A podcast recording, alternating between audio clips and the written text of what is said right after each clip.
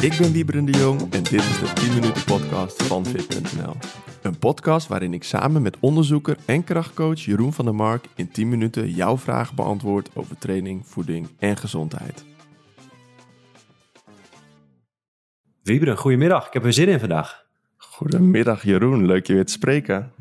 Yes, we gaan het hebben over de beste oefeningen. Zes oefeningen en meer heb je niet nodig. Maar ik wil eerst even wat leuks vertellen vandaag. In Thailand, waar ik vorige maand was, was ik iemand tegengekomen en die luisterde de podcast. En hier in Bali ook. Dus wij nemen met z'n tweeën vaak de podcast op en geven allerlei tips. En dat is superleuk. Maar er zijn dus ook echt mensen die ernaar luisteren. En dat is wel even leuk uh, uh, om te weten. We zijn nu nummer één fitnesspodcast van Nederland. En ik, nou, je ziet soms de cijfers wel eens, maar het is toch ook leuk om mensen in het echt te spreken die er ook echt naar luisteren. En ook aangeven dat ze er wat aan hebben. Dus voor degene die luistert en denkt van hé, hey, willen de mensen van fit.nl even een handje helpen. Laat even een review achter via iTunes, sterretjes. En dat uh, helpt ons om nog meer mensen te bereiken. Dus helemaal vanuit Bali en vanuit Thailand wordt er naar de Fit.nl podcast geluisterd, maar wel in het Nederlands natuurlijk. Die vraag wou ik net stellen. Er waren vast geen uh, Thaise mensen die er naar luisteren. Dat zal wel een beetje vaag zijn, denk ik. Ja, nee, ik ben wel een keer iemand in het Nederland tegengekomen die de podcast luisterde in het Spaans. Um, okay. Of met Spaanse okay. taal. En die wou Nederlands leren. En die luisterde onze podcast. Zodat uh, beter, beter Nederlands kon leren. Dus ik hoop dat we goed op onze intonatie. En een beetje onze Gronings en Drents accent kunnen. In, in bedwang kunnen houden. Maar uh, het wordt dus soms ook voor taaleducatie gebruikt. Maar goed, laten we starten Leuk. met, uh, met de, de podcast van vandaag, de aflevering. We gaan het hebben over de ja. zes beste oefeningen. En meer heb je niet nodig. Een selectie. En uh, jij gaat ze van boven naar beneden bij langs. En ik probeer uh, wat inzicht te geven. Ja, ik wou net zeggen, we hebben maar 10 minuten. Dus die intro moeten we ook niet uh, te lang houden, volgens mij. Um, ja, we gaan het inderdaad over de zes beste oefeningen hebben. Ik ben wel benieuwd, bestaat er iets als de beste oefening... voordat we de eerste, eerste oefening gaan behandelen?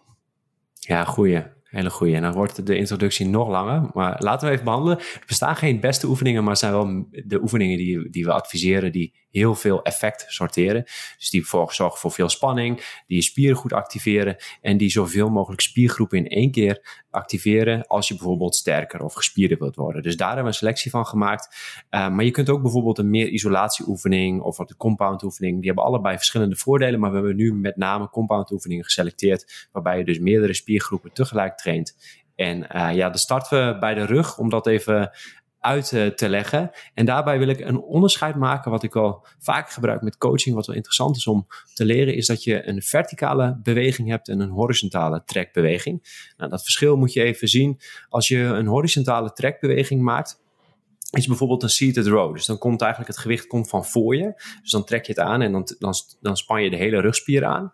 En je kan bijvoorbeeld een verticale pull doen. En dan komt het, uh, de spanning komt van boven. Dus dan trek je jezelf op. Bijvoorbeeld met een chin-up of met een pull-up. Nou, en daarin heb ik twee onderscheiden gemaakt van hey, welke, welke zou ik dan adviseren? Als je naar de verticale pull kijkt, dan kijk ik meer naar de pull-up of chin-up. En als dat nog te uh, zwaar is, dan kun je dat ook doen natuurlijk met een machine, want dan kun je ook die verticale lijn trainen. En voor de rugspieren zou ik in de basis een barbell row uh, adviseren of bijvoorbeeld een seated row. Nou, dat zijn oefeningen die je kunt doen voor je rug om de rug goed te activeren en dan vanuit verschillende beweeghoeken. En die beweeghoeken zijn dus heel interessant, die kan, kunnen dus tot een klein nuanceverschil leiden, waardoor je bijvoorbeeld net wat meer boven in de rug gaat zitten of wat meer op het middenpunt van de rug. Zou je dan bijvoorbeeld een uh, pull-up uh, als beter uh, aanschouwen dan een, uh, hoe noem je, een led pull-down met een apparaat. Het is allebei eenzelfde beweegrichting, maar ik hoor ook veel mensen dat zeggen dat uh, toch een pull-up beter is. Ja, nou je wordt beter in wat je vaak doet. Dus wil je heel sterk worden met de led pull-down? Dat is trouwens een hele goede vraag. Wil je beter worden met de led pull-down? Dan moet je dat vaker doen. Daarbij kun je misschien iets meer mm. focussen op de contractie van de spier. Nou, en met, de, met een pull-up zelf is het wat lastiger, omdat je ook heel erg bezig bent omhoog komen. Geeft ook veel stress. Je moet een bepaalde uh, techniek aanleren. Dus eigenlijk als je wat meer gevorderd bent, kun je dan wel dat beweegpatroon en die spieractivatie goed hebben. Maar vooral als beginner is het dus belangrijker om misschien mogelijk eerst voor spierkracht en spiermassa die led pulldown te doen. Maar je ziet ook gevorderden bijvoorbeeld nog wel een led pulldown doen om extra vermoeidheid op te bouwen. Dan hebben ze bijvoorbeeld eerst heel erg hun uh, pull-ups gedaan en daarna doen ze dan bijvoorbeeld een led pulldown om nog extra vermoeidheid te geven. Waarbij je dus niet op alles hoeft te letten, maar echt puur die interne focus of control, dus echt focus op de spieren die je activeert uh, door alleen die oefening te doen. Dus het maakt het net wat makkelijker soms en dat is echt een klein verschil. Oké, voordat we naar de volgende oefening gaan, ben ik benieuwd. Zou jij, als je nog geen pull-up kan, adviseren om dan te beginnen met een uh, elastiek? Zodat je jezelf makkelijker in, toch in de echte pull-up beweging omhoog kan hijsen? Of zeg je nee, yeah. doe eerst lets of chin-ups met het apparaat? Oeh, goeie. Um, we gaan wel heel veel zijpaadjes in, maar we kunnen hem even kort behandelen. Ja, je ziet als je een elastiek gebruikt, je ziet als je een elastiek gebruikt vanuit, uh, vanuit de onderste positie, is dat hij het meeste helpt. En hoe meer je dus omhoog komt vanuit die onderste positie, hoe minder uh, assistentie die, die er veroorzaakt. Want aan het begin geeft hij heel veel spanning als het ware mee. Uh, maar aan het einde mm. doe je het bijna helemaal zelf. Dus een elastiek maakt eigenlijk het beweegpatroon en, en de krachtverhouding anders. Um, waarbij het als je bijvoorbeeld met een machine zou doen, is dat die, eh, die hulp die is meer constant. Je hebt van die pull-up machines waar je dat aan kunt leren. Daarbij is de spanning constant omhoog. Dus ik zou het zeker in een programma doen, maar de beste manier is om een pull-up aan te leren, is eerst te beginnen met bijvoorbeeld een LED pull, of die LED pull-down, kracht opbouwen en dan mhm. vervolgens uh, negatieve uh, pull-ups doen, dus jezelf optrekken en jezelf rustig laten zakken. En dan zou je assisterend, dus als extra oefening zou je ook nog die met die elastiek doen, zodat je het beginpositie, die heel zwaar kan zijn, dat je die net wat makkelijker maakt, omdat die elastiek dan in die benedenpositie wat extra uh, helpt. Ja, Nee, duidelijk. Ik denk dat we snel door moeten. De beenspieren kan haast niet anders dan dat dat een squat is. Een van de bekendste oefeningen voor de, voor de benen. Waarom is deze zo goed? Ja, heel goeie. Hierbij hebben we dus niet het verschil gemaakt tussen de verticale en horizontale beweging, omdat beenspieren met name uh, knie-extensie is, dus je strekt als het ware je knieën. Je zou in principe ook nog wel een horizontale beweging eh, kunnen maken. Denk bijvoorbeeld aan sprinten, dan ga je iets meer naar voren, maar laten we voor het gemak even uh, beenspieren zien als gewoon een, een verticale beweging omhoog. Nou, dan in de basis um, en de squat neergezet. En als tweede oefening een Bulgarian split squat. Nou, dan maak ik er toch eigenlijk stiekem van zes, maak ik er twaalf van. Maar goed, dus uh, in de, als ik één oefening zou mogen kiezen, zou ik eerst voor de squat gaan. En dan vervolgens als assistentieoefening ben ik gigantische fan van de Bulgarian Split Squat, omdat je ook balans oefent. Uh, en je traint ook goed je billen daarbij. Uh, je hebt een grote hoek van je heup veel spanning komt daarop. En je ziet gewoon als je dat vaak doet, dat het ook helpt bij je atletisch vermogen. De squat en daarna de Bulgarian split squat. En daarna kan ik nog honderd oefeningen noemen, maar dit zijn mijn twee favorieten met coaching. En waarom is een squat in jouw ogen dan toch beter dan bijvoorbeeld een mhm. leg press? In dat geval, als je jouw theorie erbij bijhaalt, dan zou je bijvoorbeeld ook een leg press kunnen doen als je kijkt naar de hoek en uh, de horizontale as. Ja, nou, je wordt weer beter in wat je vaak doet. Je zou kunnen zeggen, uh, ik, ken heel, ik ken ook mensen die niet kunnen squatten door middel van bijvoorbeeld de verleden van een hernia en alsnog hele gespierde mm. benen hebben door alleen het gebruik van een leg press en een, een, bijvoorbeeld een leg extension. Dus je kunt zeker een hele goede fysiek opbouwen met, uh, zonder een squat. Dus laten we dat gesteld hebben. Alleen het mooie mm. van die squat is dat je ook weer die balans traint. Uh, dat je een heel beweegpatroon aan leert. Dat je jezelf uitdaagt. En het, biedt gewoon een, een extra. Maar het wil niet zeggen dat je meer gespierd kunt worden. Um, met een squat of een leg press. Uh, een voordeel trouwens van een leg press, wat nog wel te benoemen is, is mm. dat je wat makkelijker het gewicht uh, kunt verhogen, want je hoeft minder op de techniek te letten. Dus ze hebben allebei een voordeel, maar ja, mogelijk zou ik hem dan op een derde of een vierde plek zetten, die uh, leg press als uh, extraatje. En een beginner, die zou daar mogelijk wel mee kunnen starten als die niet een ervaren coach heeft die ernaast staat. Dan kun je daarmee mogelijk eerst even een beetje kracht opbouwen en zeker zijn in de gym. Wat ook belangrijk is, is dat je je comfortabel voelt. Gaan we toch nog even weer een klein uh, zijpadje in.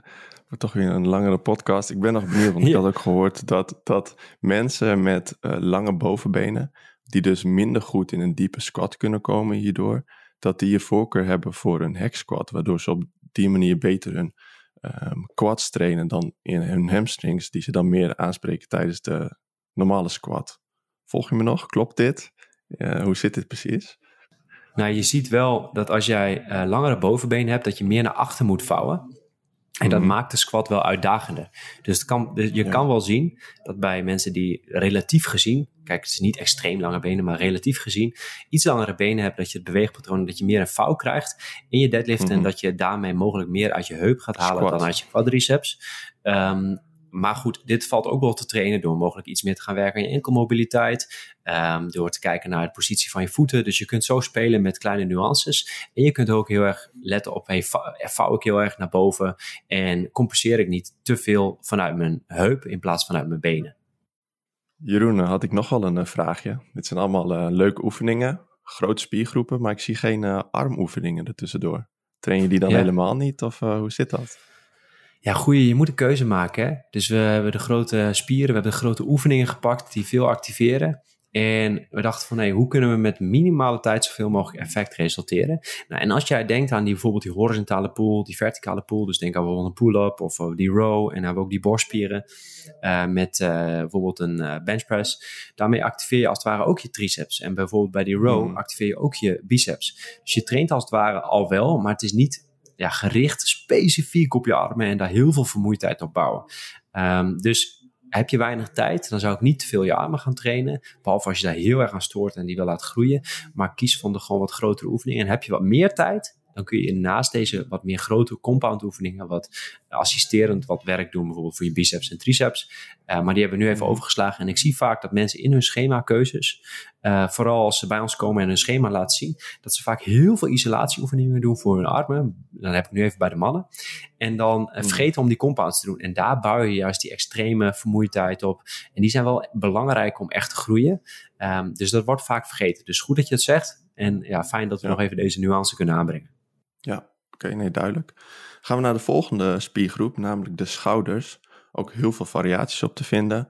Ik eh, verwacht dat je een soort van eh, Arnold press eh, het beste gaat vinden. Of in ieder, in ieder geval een press omhoog, military press. Ik ben benieuwd, Ja. Jeroen. wat vind jij de beste oefening?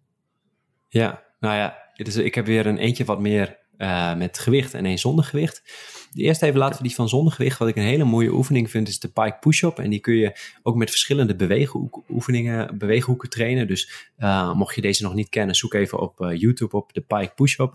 En daarmee ehm, kun je door middel van de hoek groter te maken, het zwaarder te maken vanuit je heup. Dus dat is heel mooi.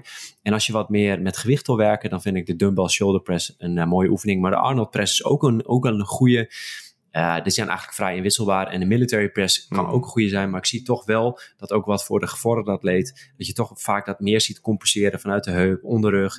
eh, en de mensen eromheen gaan bewegen. Dus daarom heb ik even voor de dumbbell shoulder press. Want dan kun je beide armen bewegen. Kun je iets meer gefocust op techniek en op je schouders. En bij die pike push-up ook. En ben je wat meer gevorderd, weet je hoe je lichaamspositie is. Je heup, je onderrug. Dan kun je uiteindelijk ook wel met een military press bezig. Oké, nee, duidelijk. Ben jij veel aan de pike push-uppen geweest eh, tijdens de coronatijd, toen de gyms dicht waren? Ja, ja, goeie. Jazeker. Ik eh, heb die, de, die gebruik ik nog steeds als opbouw naar een ehm, eh, freestanding handstand push-up. Omdat je daarmee, dat is een soort van een regressie. Dus daarmee maak je het makkelijker. Dus als we kijken naar bijvoorbeeld de handstand push-up is gewoon vrijstand, vrijstand handstand en dan push-ups. En dan heb je een regressie, dus dan maak je een oefening ehm, makkelijker. Een progressie is als het moeilijker maakt. En dan maak ik het makkelijker. En een regressie daarvan is een pike push-up.